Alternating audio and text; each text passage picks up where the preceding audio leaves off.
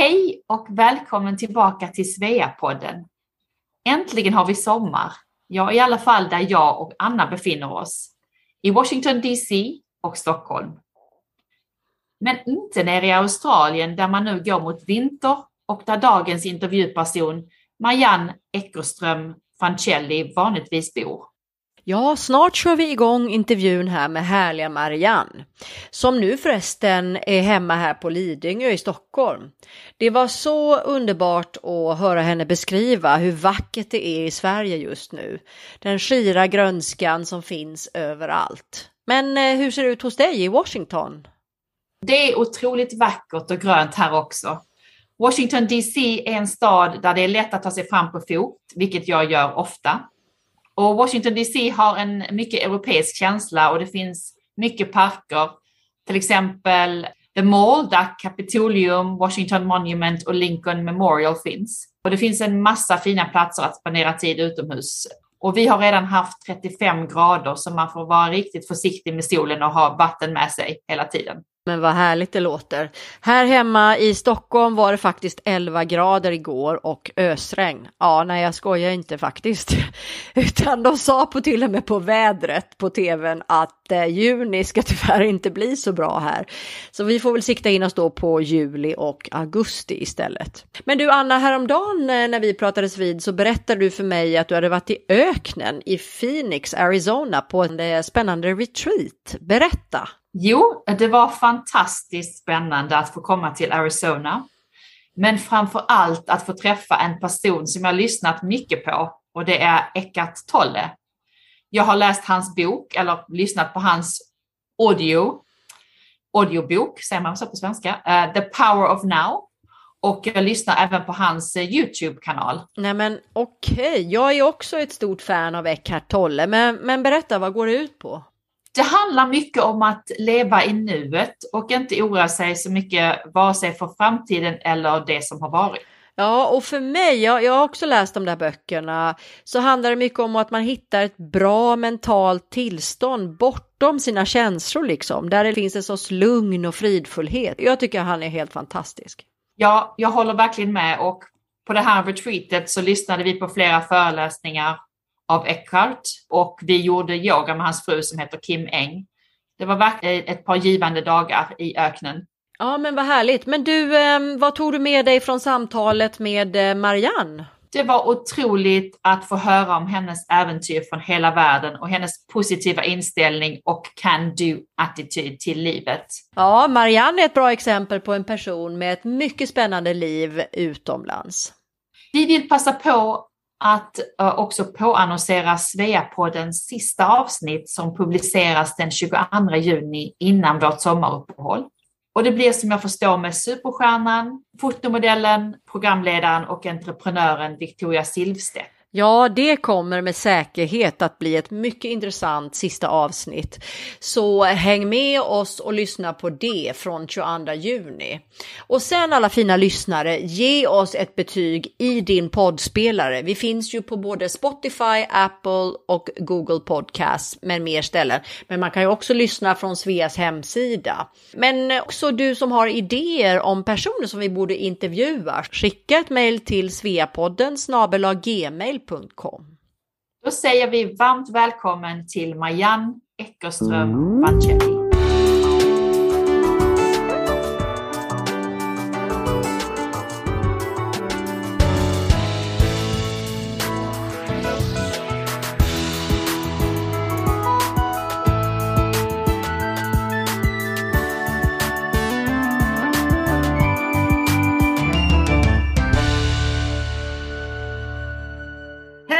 Heter Marianne Eckerström Fancelli och jag är språklärare och det har jag varit i över 60 år. Och jag drar med mig namnet Eckerström eftersom jag vill anknyta till min svenska bakgrund, ge lite mer eh, trovärdighet att jag kan undervisa i svenska. Namnet Eckerström står också i mitt italienska pass som enda namn. Fancelli står inte, för att man som italiensk kvinna drar med sig sitt flicknamn hela livet, även om man gifter sig. Hej Marianne och varmt välkommen till Sveapodden idag. Det är så många, förstår du, som har föreslagit att vi skulle ha med dig i den här podden. Varför tror du att det är så? Har du någon aning? Ja, jag känner ganska mycket folk, eh, får man väl börja med. Och är allmänt eh, road av kvinnor och speciellt av mina svenska väninnor förstås, som jag har samlat på mig under många år och som jag faktiskt håller kontakten med. De är jätteviktiga för mig och jag är oerhört tacksam att det inte bara är mina årgångar utan att jag också har förmånen att ha många yngre personer som känner att de har någonting gemensamt med att ha utbyte med mig och det är jag tacksam för. Och du är ju ganska känd för du har ju eh, startat Svenska skolan i Sydney för ungefär drygt 40 år sedan. Och du har också varit en av initiativtagarna, om inte just initiativtagaren till Svea Sack som startades 2019. Och till och med Katarina Hansson måste jag bara nämna här, nämnde för mig att det var att hon, eh, det var du som kom på idén eller pushade henne lite grann att hon skulle söka till internationell ordförande. Så det var ju du har många bra idéer helt enkelt. Ja, jag har väl eh, ett ganska gott öga för vilka som har kvalifikationer som man kan utveckla. Katarina hade jag förmånen att träffa dels i PÖS under världsmötet, men också på regionmötet i Bangkok, där jag som enda person från Sydney fick hänga med alla de här PÖS-tjejerna. Och det var ju då åtminstone fyra dagar och där hade jag ju möjligheten att se hur kapabel, fantastisk Katarina är. Och sen den där tjejen, alltså, hon måste ju utnyttjas för Svea på något mer begåvat sätt än vad hon gör just nu. Så jag är hemskt glad och lycklig att hon har kommit i den här positionen och jag bara kan gratulera Svea. Och sen har du nyligen fyllt år. Eh, du fyllde nyligen 80 och blev uppvaktad bland annat av Svea. Men hur var det? Jo, alltså jag har kommit fram till kanske nu att det ska vara ett kapitelslut om vi så säger. Eller kapitelbörjan eftersom jag ser alltid glaset halvfullt. Jag är 80 år, det betyder så att jag just har pensionerat mig i Sydney. Jag behåller bara en klass av många klasser. Så att jag tänker fortsätta nu att resa mera, att göra lite annan koncentration. Jag har en dotter i Kanada, en son i London, barnbarn på båda ställena och de har jag ju tyvärr inte sett mycket av de här senaste två åren. Så nu är det dags att plocka upp de bitarna och utveckla det lite mera. Kan du berätta lite för oss alla om din uppväxt i Sverige och hur den påverkat ditt liv? Så du var ju tidigt utomlands redan på 60-talet. Du arbetade nere i Tyskland och har senare bott i Italien, Australien, Malaysia och Singapore. Jag hade alltså förmånen att växa upp i en väldigt stor familj, eh, både på mammas och på pappas sida. Men mammas sida var så dominant, för mammas syskon, de var fem stycken, vi bodde alla på Gärdet i stan och vi bodde alla ute på Ingarö på landet. Så vi var faktiskt inte 15 kusiner utan var nästan som 15 syskon. Och bara för att säga hur stark den här sammanhållningen är, är att vi faktiskt om två veckor ska ha en kusinträff, alla vi, med partner och gotta oss åt alla våra gamla minnen och så vidare och visa fotografier för varandra. Så den sidan är alltså oerhört stark på mammas sida. Det betyder alltså inte att den här släkten på pappas sida inte skulle vara intressant. Det är bara det att det fanns aldrig riktigt tid för den delen. Därför att vi var helt uppfyllda med att mamma var starkare än pappa så att säga. Så efter alla dessa år utomlands, vad har varit bra med livet och vad har du personligen lärt dig och skulle du leva samma liv igen om du fick välja? Hade någon i 20-årsåldern frågat mig, ja, hur tror du att ditt liv skulle se ut om vi skulle intervjua dig om massvis med år? Hade aldrig drömt om att jag skulle bo i Australien. Jag hade, Australien fanns inte på min karta överhuvudtaget. Så de här resorna i Europa, det var ju bara det att mina föräldrar skickade ut mig. De tyckte att det var en bra utbildning helt enkelt. De själva hade båda jobbat i resebranschen så det var naturligt att skicka dottern till Tyskland, till England och Frankrike på sommarresor. Och sen bara rullade det vidare. Och de hade hela tiden stor förståelse för att jag var intresserad av att resa och sen hade jag det goda ursäkten att jag studerade språk gubevars så att eh, man kunde alltså resa ut och få praktisera dessa språk. Men mina föräldrar blev väl lite konfunderade där när jag då alltså aldrig blev färdig med denna filmagen som jag drog ut. Alltså jag började i princip på universitetet 1961 men avslutade inte den förrän 1968. Men då berodde ju det på att jag gjorde alla de här roliga sakerna. Och framförallt hade man ju förmånen att man kunde studera på ett helt annat sätt då. Man behövde alltså inte sitta av massor med föreläsningar och visa upp sig och så vidare, utan man kunde komma hem, sätta och låtsas som jag gjorde alltså, låsa in mig i en lägenhet i två veckor och så gick jag bara upp och tentade av den biten. Och sen så, så sa jag, ja, men nu har jag gjort det, nu åker jag igen, hej då. Så att jag liksom bakade av det på det sättet istället. Men så du var ganska tidigt då fascinerad av utlandsliv, så eh, kan liksom summera, för du vet den här podden handlar ju lite om det, att hur det är att bo utomlands och vad är liksom det positiva med det? Det positiva är ju förstås att om man är intresserad av andra människor så är man intresserad också av andra kulturer.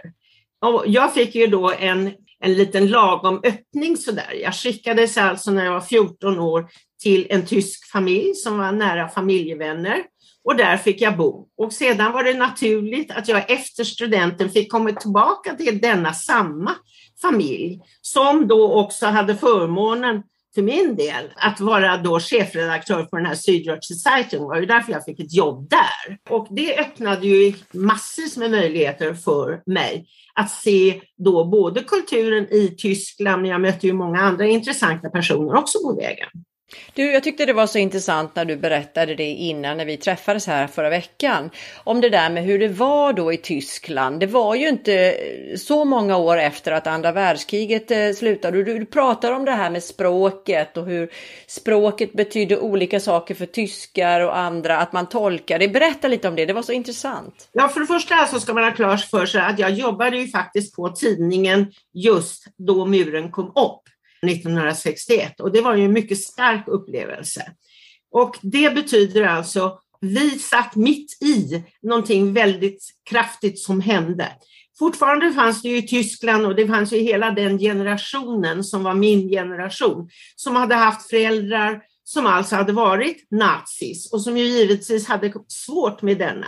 Den så kallade unbewältigte Vergangenheit, den var ju inte liksom avklarad. Den låg ju kvar som någonting oarbetat färg som man måste bygga vidare och liksom Jag som inte är så bra på tyska här som Anna och du, vad betyder det där?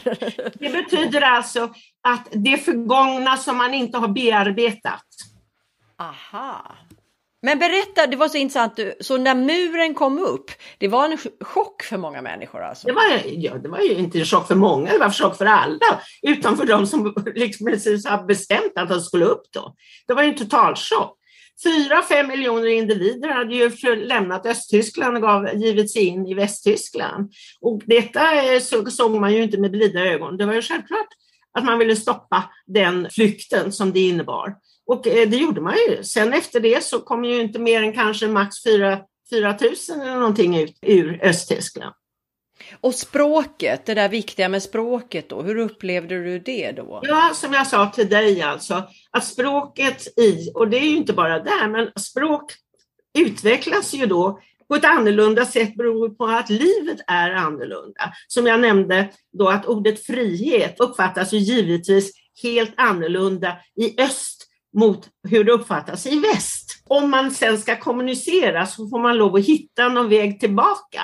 Och det var ju det jag nämnde till dig, fast jag blev lite långrandig där med den här gruppen Zimnot som försökte att utveckla språket igen så man skulle ha ett gemensamt språk att bygga vidare på. För att det hade då ändrats så mycket under den här nazitiden i Tyskland? Efter kriget så hade man ju ett problem att man skulle få ihop det med Väst och Östtyskland. Sedan så kommer vi till det här när Östtyskland har varit Östtyskland en längre tid och Västtyskland har varit Västtyskland en längre tid. Efter det givetvis är det ju då man har olika uppfattning om vad ordet frihet betyder respektive inte frihet.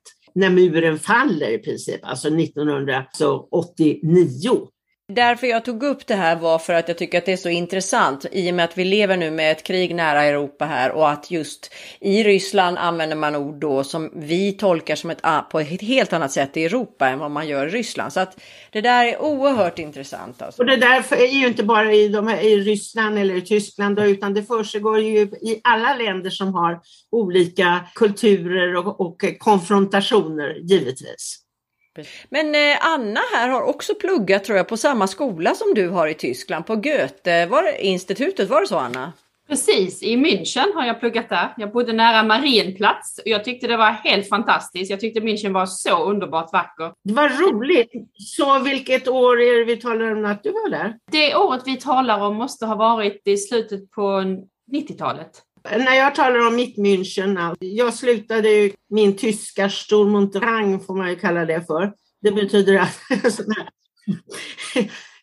period 1968 då jag träffade min italienska man så gick jag in i nästa skede. Men alltså, min intensiva tyska period är från 61 till 68. Varför jag arbetade på Goethe-institutet var ju just därför att jag hade de här kontakterna via Süddeutsche Zeitung. Mannen som var chefredaktör, han tog med mig till sitt Stammtisch på, som hette Zum Spöckmeier. Det finns fortfarande kvar som en känd restaurang.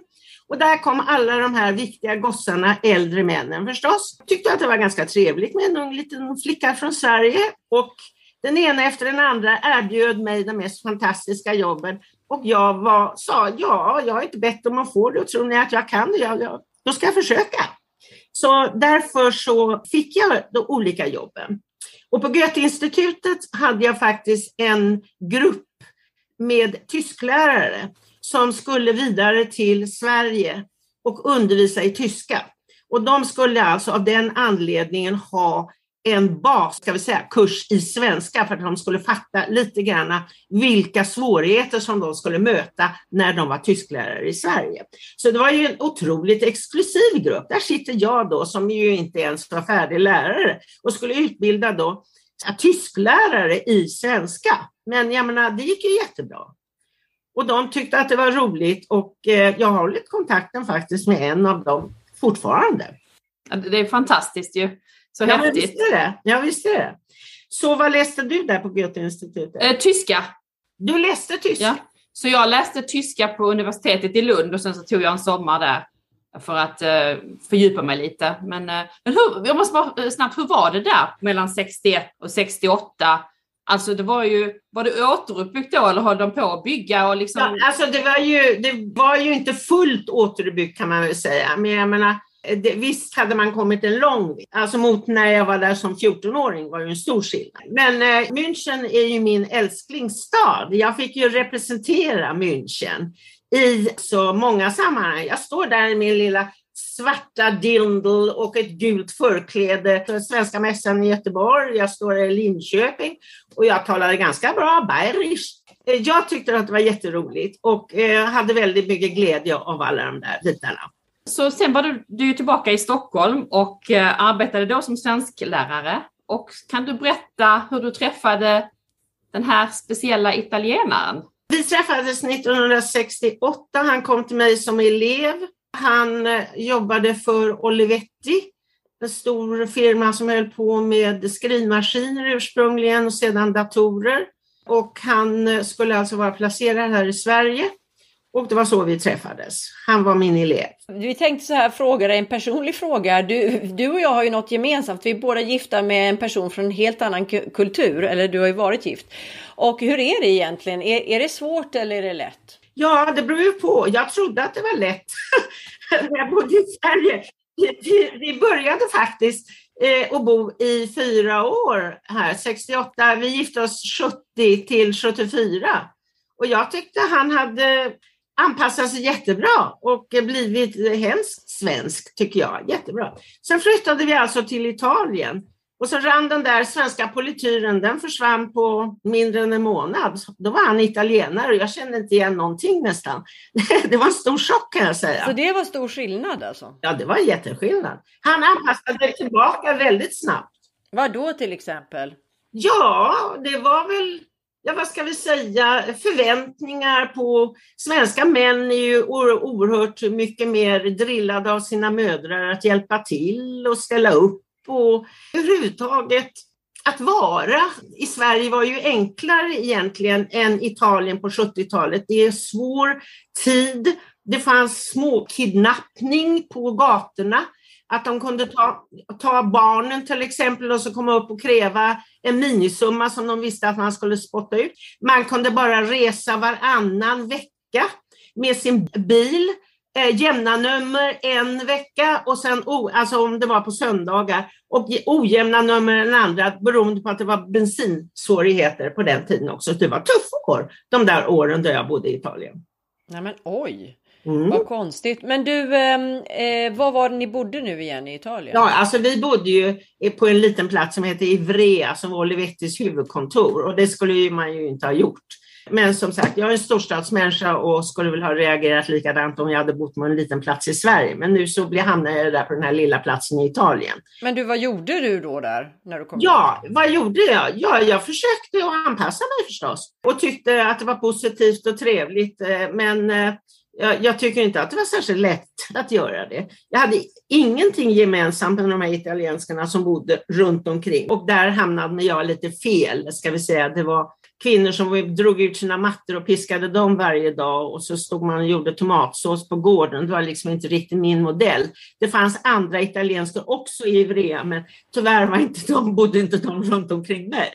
Men du fick barn då också? Så du var Nej, ja, barnet hade jag ju redan i Sverige. 15 månader var min son. Så jag drog ju med min barnflicka, en svenska barnflicka, dit ner. Efter tre månader så säger hon, men här kan man ju inte vara, säger hon. Nej, säger jag, det har du alldeles rätt i. Och sen åkte hon hem. Men jag blev kvar. Men du, du lärde dig italienska där nere eller hade du redan gjort det nej, i Sverige? Nej, nej, nej. Jag skickades ut som, eh, jag var ving, reseledare för vingresor. Så att jag kunde redan italienska.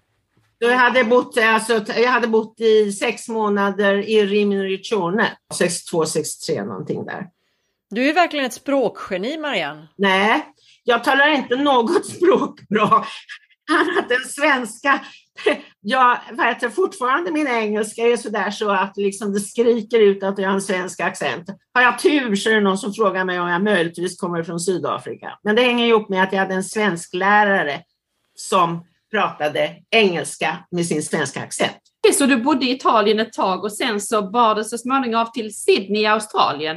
Hur kom detta sig och hur var det att komma dit från Italien?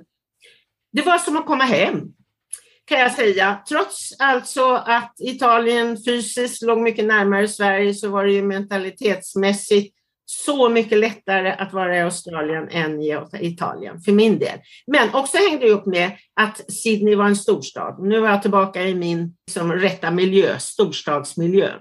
Varför vi kom dit var det ju Olivetti som skickade oss dit. Men vad var det som du, du sa att du kände dig som hemma där? Vad var det? Var det mycket mer avancerat då i Australien då än Italien så att säga? Nej, nej, nej. Det var ju bara det att det råkade passa mina syften mycket bättre. Man hade en öppenhet i hur man såg på vad jag kunde erbjuda. Jag kunde inte erbjuda någonting i Ivrea som de tyckte var värt att ta fasta på. Jag menar, de förstod inte att jag kunde undervisa till exempel. Men här i Australien, ja, jag säger jag kan undervisa svenska. Jag kan göra det här och det här. Ja, men så bra, gör det då, säger de. Men du, får, du måste bara fråga, är det en speciell mentalitet i Australien? Man kanske tänker det som svensk, liksom att de är ganska sådär nybyggare, öppna är det så? Ja, alltså framförallt var det ju så på 70-talet. Då var det ju alltså hur många möjligheter och öppningar som helst. Jag tror det kanske är lite tuffare nu. Eh, allting är tuffare nu. Det är mer byråkrati, det är jobbigare med allting, osäkerheter och you name it. Alltså, men det är ju rakt över hela världen. Så Men så där var en fantastisk tid helt enkelt? Ja, det är ju det jag säger. Jag har haft turen att ha varit i rätt ögonblick på rätt plats. Och det, är alltså det är genomgående så, den turen jag har haft i mitt liv. Ja, tur eller skicklighet. Svea är den största ideella Sverigefrämjande organisationen utanför Sverige. Våra värdeord är världsvid vänskap, global kompetens och lokalt stöd. Vår vision, det är att vara det självklara nätverket för svensktalande kvinnor utomlands. Och vårt syfte är att främja svensk kultur, svenska traditioner och det svenska språket ute i världen. Välkommen som medlem i Svea. Du hittar all information om hur man blir medlem på svea.org.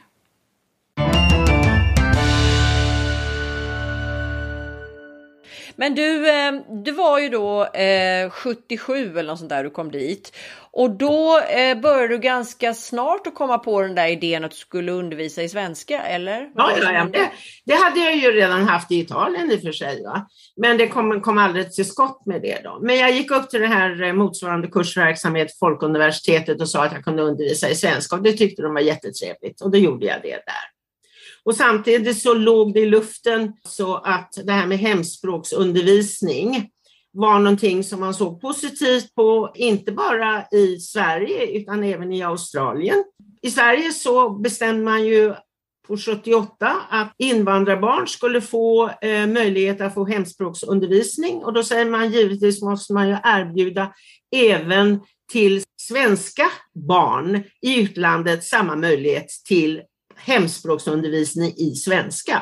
Och därför gav man alltså statsbidrag som man kunde söka till kompletterande svenskundervisning två timmar i veckan. Och det var inte svårt att få. Och då, vad gjorde du då? Ja, det var inte bara jag, utan vi var ju några som gjorde det här givetvis tillsammans. Men i alla fall, vi sökte de här eh, bidragen förstås och fick det och sedan satte vi igång. I Sydney satte vi igång på två ställen. Vi eh, gjorde ett på norra Sydney och ett i södra Sydney. Och eh, vi hade ett 30-tal barn från början. Och det var en skolförening ni startade? Ja, det var, en skol, det var en skolförening vi startade som idkade denna kompletterande svenskundervisning. Och det var ingen som hade hållit på med det här innan? Bar, svenska barn i Sydney, de hade inte haft någon svenska då eller? Alltså det kanske fanns någon, någon privatlärare som kanske hade sysslat med någonting men det fanns ju ingenting att organisera. Så från det ögonblicket 1978 så kom vi igång. Det blev väldigt populärt på en gång och det växte. Och vi hade ju då redan skämt bort folk i Sydney så att vi fick lov att öppna fler och fler platser. Och det är ju då det som är stora skillnaden mot Melbourne, att de har denna fantastiska svenska kyrka där de alltså kan erbjuda all undervisning, all aktivitet och så vidare. Och folk tycker att det är attraktivt och trevligt att komma dit och det gör de. De åker gladeligen i två timmar för att komma dit och två timmar för att åka hem. skulle vi aldrig få någon människa i Sydney att göra. Bor det fler svenskar i Melbourne än i Sydney? Eller var bor de flesta svenskar i Australien? Ja, de bor i Melbourne eller i Sydney. Alltså, Ungefär lika många? Ja, det skulle jag säga. Så vad det gäller undervisningen och Svenska skolan i Melbourne och Svenska skolan i Sydney har legat ganska parallellt vad det gäller antal. Så hur många elever finns på skolan där nu ungefär? Ja, ett 150-tal. Det är ju ganska mycket. Ja. ja, ja och det är alla åldrar eller? Och i alla åldrar. Problemet med den här var ju att när man kom alltså över den här småskolestadiet upp till alltså att de börjar high school, då har de ju andra intressen förstås. Och då gällde det alltså att hitta någonting så att man höll kvar eleverna. Och då kom vi på i Sydney för in distansundervisning och det gjorde vi väldigt tidigt.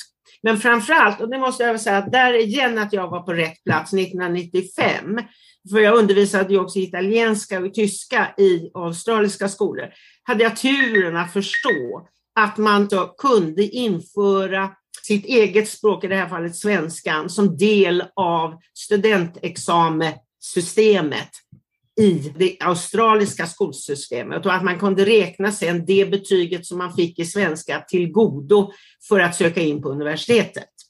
Så det att high school, ja, det, ja, men det är precis det det var. Så att High School Certificate kom in som enda nordiska språk. Och där kan jag säga att det var ju faktiskt just därför att jag råkade ha varit på den här föreläsningen och förstod att man skulle lägga in just då en ansökan för att få den statusen och det fick vi. Men inget annat av de här skandinaviska språken har lyckats med det efteråt. Sen blev det väl för populärt, vad vet jag, att pengarna tog slut, eller jag vet inte riktigt. Men för vår del så har vi alltså haft denna möjlighet för alla våra svenska barn att kunna ta High School Certificate, som det så heter, i New South Wales Det heter däremot VCE i Melbourne därför att varje stat i Australien har sitt eget skolsystem. Men du, vilken fantastisk gärning du har gjort för svenska språket. Alltså det är fantastiskt. Tycker du borde få ett pris. Ja, tack, det låter bra. Nej, men alltså, jag har ju varit så oerhört road själv. Jag, jag tycker att det är kul hela tiden. Och eh, liksom, det har gett resultat och ja, det är väl underbart bara. Underbart. Ja, härligt. Men du berätta också, vad gjorde du med, du har ju två barn, en flicka och en pojke. Vad gick de i för skola och hur valde du det? Ricky var ju då fyra fem år när han kom dit. Så att han började i lokala skolan, kunde ingen engelska, men jag satte honom framför tvn och då klarade han sig det. Marie-Louise är född där, så att när de kom upp då i den här viktigare delen, då satte jag dem i privata katolska skolor. Katolska skolor ger lika god utbildning till ett billigare pris i Australien om det gäller privatskolor. Protestantiska skolorna är mycket dyrare än de katolska privatskolorna. Mm. Och de trivdes med det, det gick bra? Det gjorde de, därför att kompisarna var ju trevliga. Men det är ju självklart att det var ju ganska strikt delvis. Men, ja, men de, hade, de klarade det, det var inget problem. Och de hade svenska då i svenska skolan? Det är klart, jag drog ju med dem till svenska skolan och flaggviftande barn, så det är klart svenskan stod nog lite halsen om vi så säger. Mm. Men de pratar svenska båda dina barn? Ja, det gör de. Däremot pratar inte mina barnbarn svenska, därför det har jag inte. Det är ödets ironi. Här har jag alltså undervisat tusentals, får jag väl säga, barn under åren, men mina egna barnbarn talar icke svenska. Men det ska jag, jag har inte gett upp hoppet än. Nej, kom igen, kör på. Mm. Men vad var språket hemma hos er då? Hade ni ett språk hemma i familjen? Ja, ja, vi pratar bara svenska eftersom jag ju under, jag hade ju förmånen då jag haft som min man som elev i svenska. Så vårt umgängesspråk hemma var svenska. Men vi hade alltså mina svärföräldrar boende långa perioder hos oss och det är självklart, de talar ju bara italienska och då talades det bara italienska. Ja, men dina barn är flyttande i italienska också? Ja, det är de. Det är ju en fantastisk gåva att kunna ge sina barn ett språk till. Det är ju en sån eh, enorm gåva. Men precis, och det är ju det, det här som jag säger, att man ger ju inte bara barnet ett språk utan man öppnar ju hjärnan för ett vidare tänkande. Jag menar, ja, man kan inte överskatta denna enorma bit som vi gör med om vi ger våra barn ett andra språk. Tror du att man blir smartare om man kan fler språk? Absolut, absolut. Jag tror att det vidgar hjärnan. Du använder flera celler i hjärnan helt enkelt. Så forskningen visar det också, att om man, om man läser ett språk till, så det är inte bara det att man får språket liksom gratis. Ju. När, man, när man är liten så lär man sig det utan någon, någon, liksom, någon ansträngning på något sätt.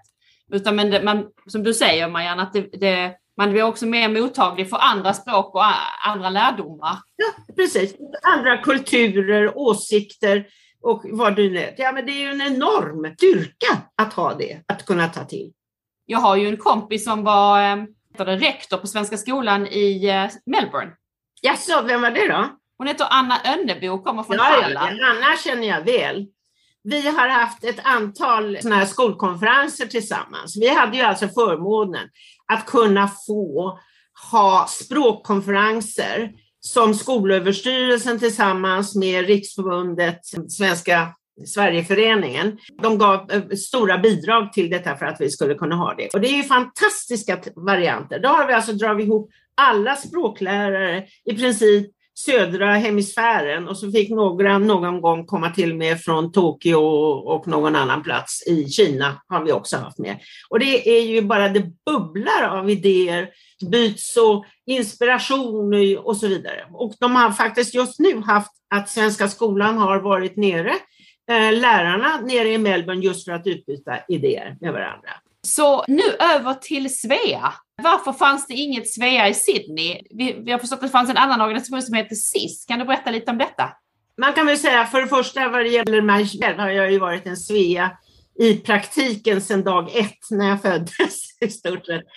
Intresserad av både eh, svenska svenskor och språk och kultur och traditioner och allting. Så det var ju Alltså när jag kom till Sydney 1977 så fanns det redan en svensk organisation som hette Svenska damklubben på den tiden. Den startades redan 1961, gjorde allt det som i princip då Svea gör med midsommarfirande, Lucia, Valborg, all, alla de bitarna. Och sen kom ju då Svenska skolan till före Svea och där täckte vi det den språkliga delen. Följaktligen så fanns ju de här bitarna redan i Sydney, så det var inte samma akuta behov som det fanns till exempel i Melbourne, som då inte hade en svensk förening för kvinnor eftersom Svenska kyrkan var den som hade liksom fyllt det. Så Perth hade ju ingenting alls och därför blev det alltså ett Svea i Perth först beroende på att Ann-Marie Gustafsson flyttar från Singapore och startar i Perth. I Melbourne fanns det ingen svensk organisation för kvinnor, därför blir det i Melbourne. Och i Sydney har vi redan alltså SIS svenskor i Sydney och dessutom Svenska skolan. Så att det gällde alltså att hitta någon annan form för att inte direkt konkurrera med denna existerande svenska organisation för kvinnor. Och det är väl där mitt bidrag kommer in. Att jag säger låt oss försöka att hitta någonting som är ett komplement, inte en konkurrens. Och nu när vi ändå har Perth och Melbourne så kan detta bli ett nationellt samarbete som borde fungera jättebra. Och dessutom öppnar vi möjligheten till ett globalt samarbete. Och där kan alla som är i SIS komma med och vara med och få ut massor som komplement till vad de gör i alla fall i sitt lokala Sydney. Och det är ju det som är tanken. Och det var ju lite av en speciell idé som jag förstår att du kom på då med de här tre städerna. Triumvirat-idén kom jag väl på därför att jag kunde ju se då att hade vi bara varit Sydney, då hade det varit ett problem. Eh, men Eh, Canberra kunde inte i egen regi, de hade inte resurserna att få ihop det till en egen bit och detsamma gällde Adelaide. Och i Canberra finns Katarina Prime Lindmarker som jobbar på ambassaden och som jag har känt i många herrans år. Och i Adelaide fanns Helene Vanheden som jag också kände sen Svenska skolan i Sydney. Eh, setupen på personligheter fanns ju redan där. Så det var ju ganska givet att det blev just de här. Men du, eh, en grej när jag läste om det här, så vi, vi ska väl säga också bara att eh, nu heter ju avdelningen då Svea Sack, så det är de här tre städerna, Sydney, Adelaide, Canberra. Men då tänkte jag så här, det är ju inte jättenära, men det är ju Australien, det är rätt stora avstånd. Hur träffas ni? Ja, alltså i princip så träffas vi ju inte. Men vi, vi har ju alltså lokala varianter, så Canberra gör sina saker, Adley gör sina saker och Sydney gör alltså vissa saker. Och sen så säger vi ja, men visst, vi, nu har vi en bokklubb tillsammans och då träffas vi. Och Zoom. Ja, just det, såklart. Men du, så ni, ni har inga fysiska träffar tillsammans alla tre Ja, jo då, det har vi ju visst haft. Vi skulle ju haft invigningen som skulle ha varit alltså 2020, men alltså i Canberra. Men den har ju blivit uppskjuten både två och tre gånger. Så vi väntar fortfarande på att ha en officiell invigning av Svea då SAC. Och den kanske förhoppningsvis kan bli nu, ja, i år, på slutet på året. Du, vi, vi skickar en hälsning här till Katarina som jag just träffade, Bjelkov Rössel, som är ordförande i Sveasac, eller hur? Hoppas att hon fixar det. Och eh, så ska vi väl samtidigt då när vi pratar här nu om Svea ändå påminna och hälsa. Vi ska väl hälsa till Agneta också, eller hur? Din kusin. Ja, men absolut. Jag har den största beundran för Agneta. Otroligt effektiv. Hon har gjort alltså en så stor insats genom att öppna för oss denna möjlighet till systerskap över hela världen. Jag är så stolt över att jag är släkt med henne och haft förmånen att ha varit med henne också på Hawaii när hon öppnade avdelningen på Hawaii. Så att eh, jag är bara så glad och lycklig för allas vår del att hon har tagit det här steget och att hon var på rätt plats i rätt ögonblick och förstod att göra någonting av det. Ja, vi hälsar till Agneta Nilsson här, vår grundare. Fantastiskt Agneta. Men eh, nu går vi vidare här och eh, vi tänkte att eh, du var ju också några år, eh, ni, ni, stannade ju inte bara där i Australien utan ni drog vidare till Malaysia och Singapore. Berätta lite om hur det var att bo där. Det var fantastiskt för min del, för jag kom ju plötsligt i norra hemisfären. Och det betyder ju alltså att man kunde länka in på ett helt annat sätt än att sitta fel, fel årstider där nere. Det betyder att jag kunde skicka min 14-åriga son på svenska språkresor till Frankrike med svenska ungdomar. Så han kunde se då att det var inte bara hans mossiga morsa som pratade då svenska utan även ungdomar som pratade svenska. Så han förbättrade ju sin svenska i Frankrike på dessa språkresor.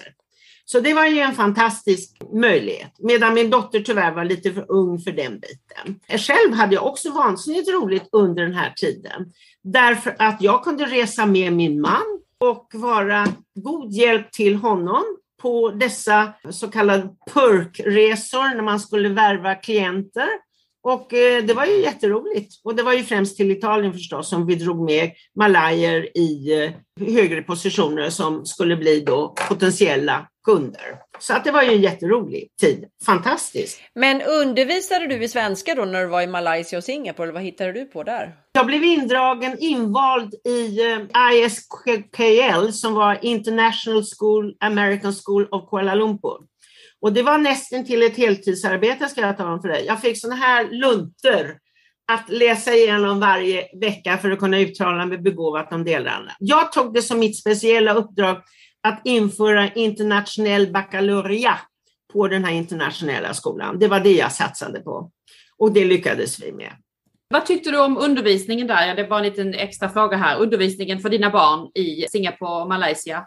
Då kan vi säga så här, att mina barn upplevde ju eh, det intressanta att de alltså kommer från ett öppet Australien, men har gått i slutna katolska skolor till att komma till ett slutet samhälle, Malaysia, till att gå i en öppen skola, amerikansk skola med flickor och killar. Så de fick ju precis en märklig kombination som var tvärt vad man skulle ha förmodat så att säga.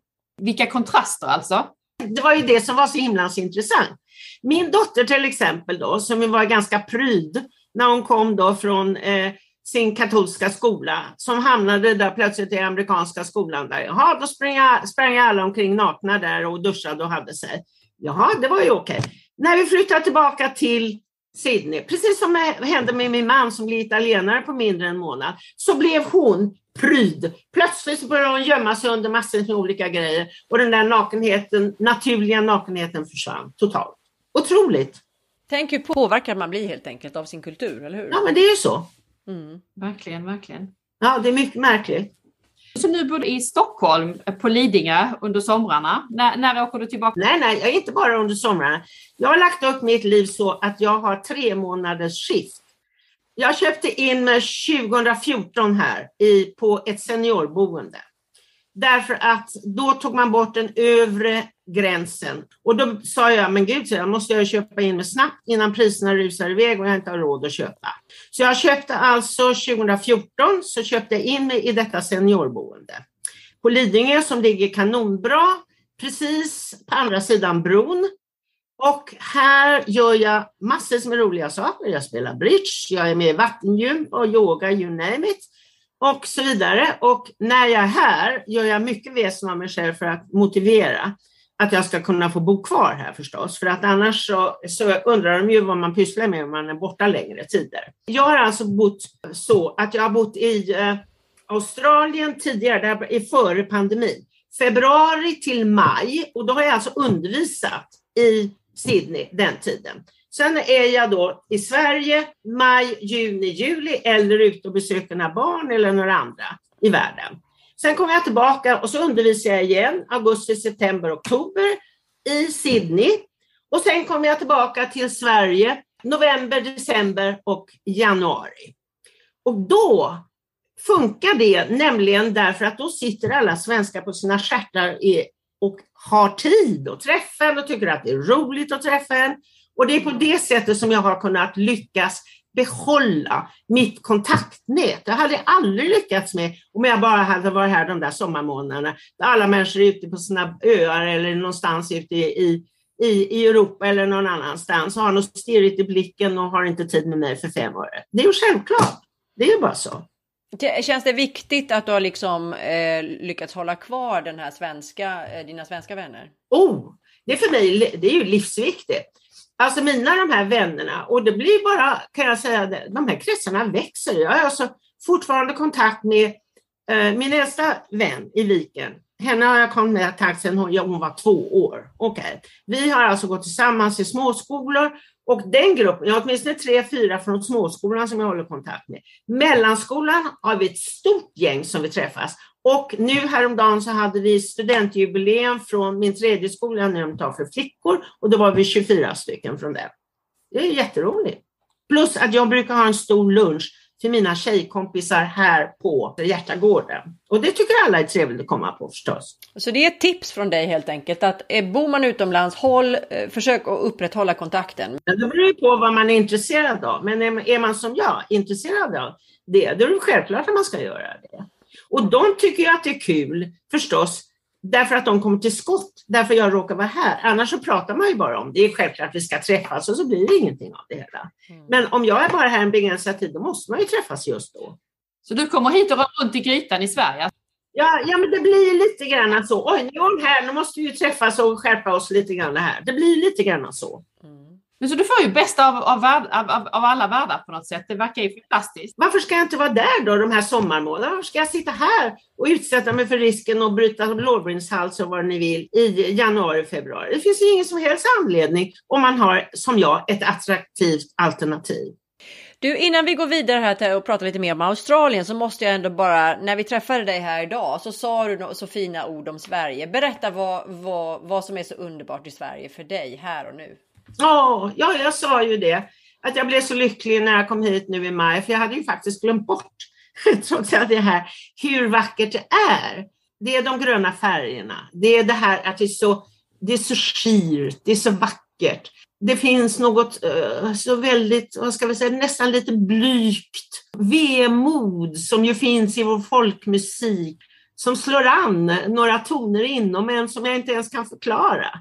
Jag blir lycklig när jag hör våra kyrkklockor. Jag hör aldrig en kyrkklocka någonstans i Australien.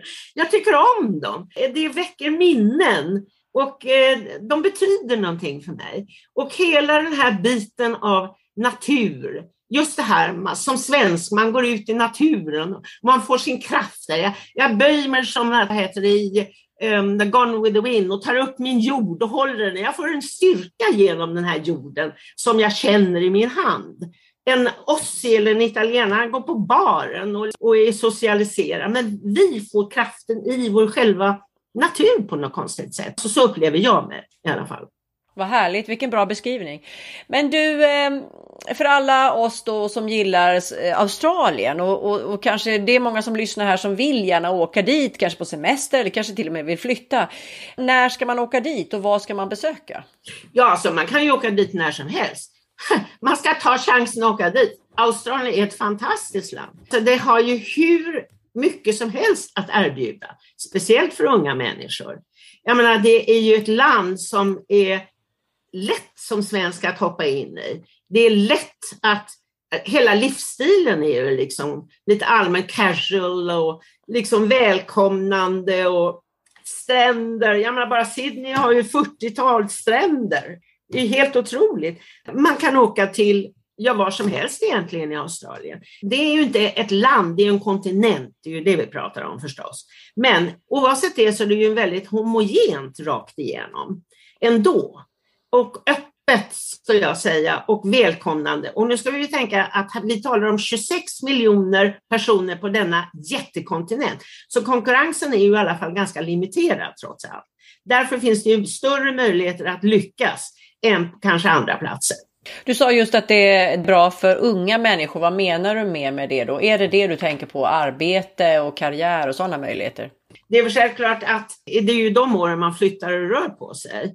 Jag menar i eh, vuxen ålder gör man väl det kanske om man råkar nu redan ha en anknytning med dotter eller son. Då är det ju naturligt att man knyter an.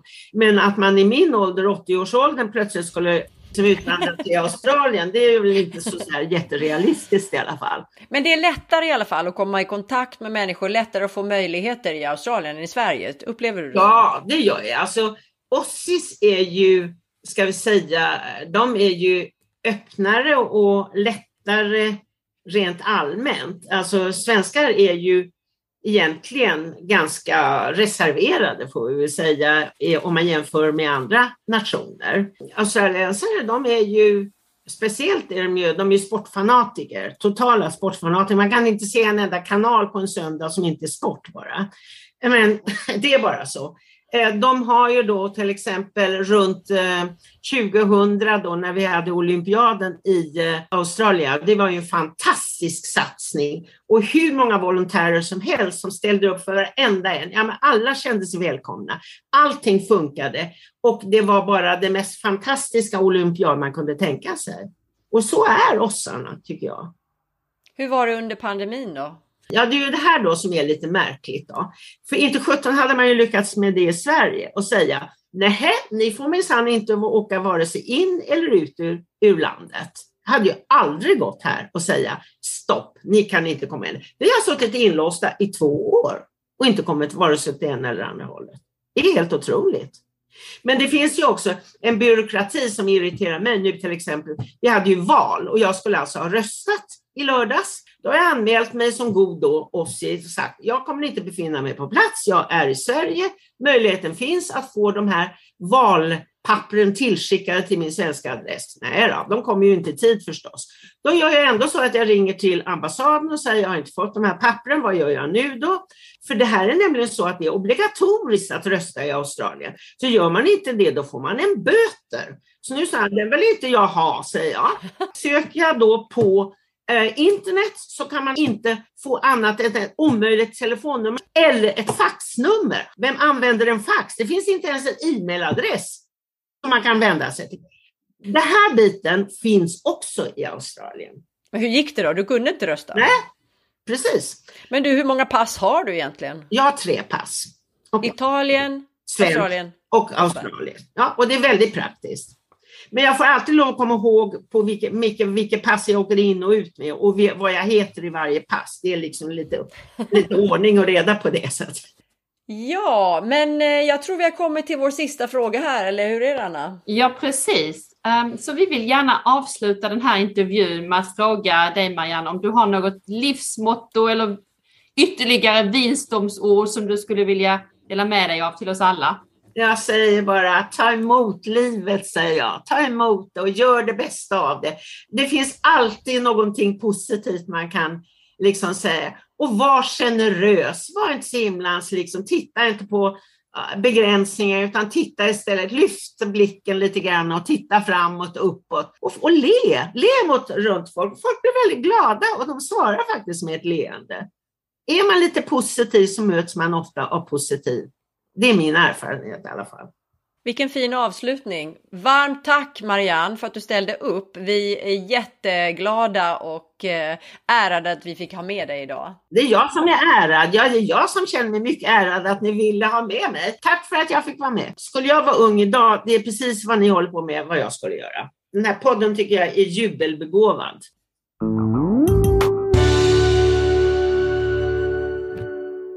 Tack för att du har lyssnat. Den här podden är inspelad och producerad för Svea International. Musiken är skriven för Svea av Fredrik Åkerblom. Alla vi som på olika sätt är involverade i produktionen gör detta som en del i vårt frivilliga engagemang för Svea. Sveapodden finns på de allra flesta ställen där du hittar poddar. iTunes, Google Podcasts, Spotify, Acast etc. Om du saknar något poddställe så skicka ett mejl till sveapodden gmail.com. Mer information om Svea hittar du på vår webbplats svea.org och i sociala medier så finns vi på Facebook, Instagram och LinkedIn och där hittar du oss som Svea International.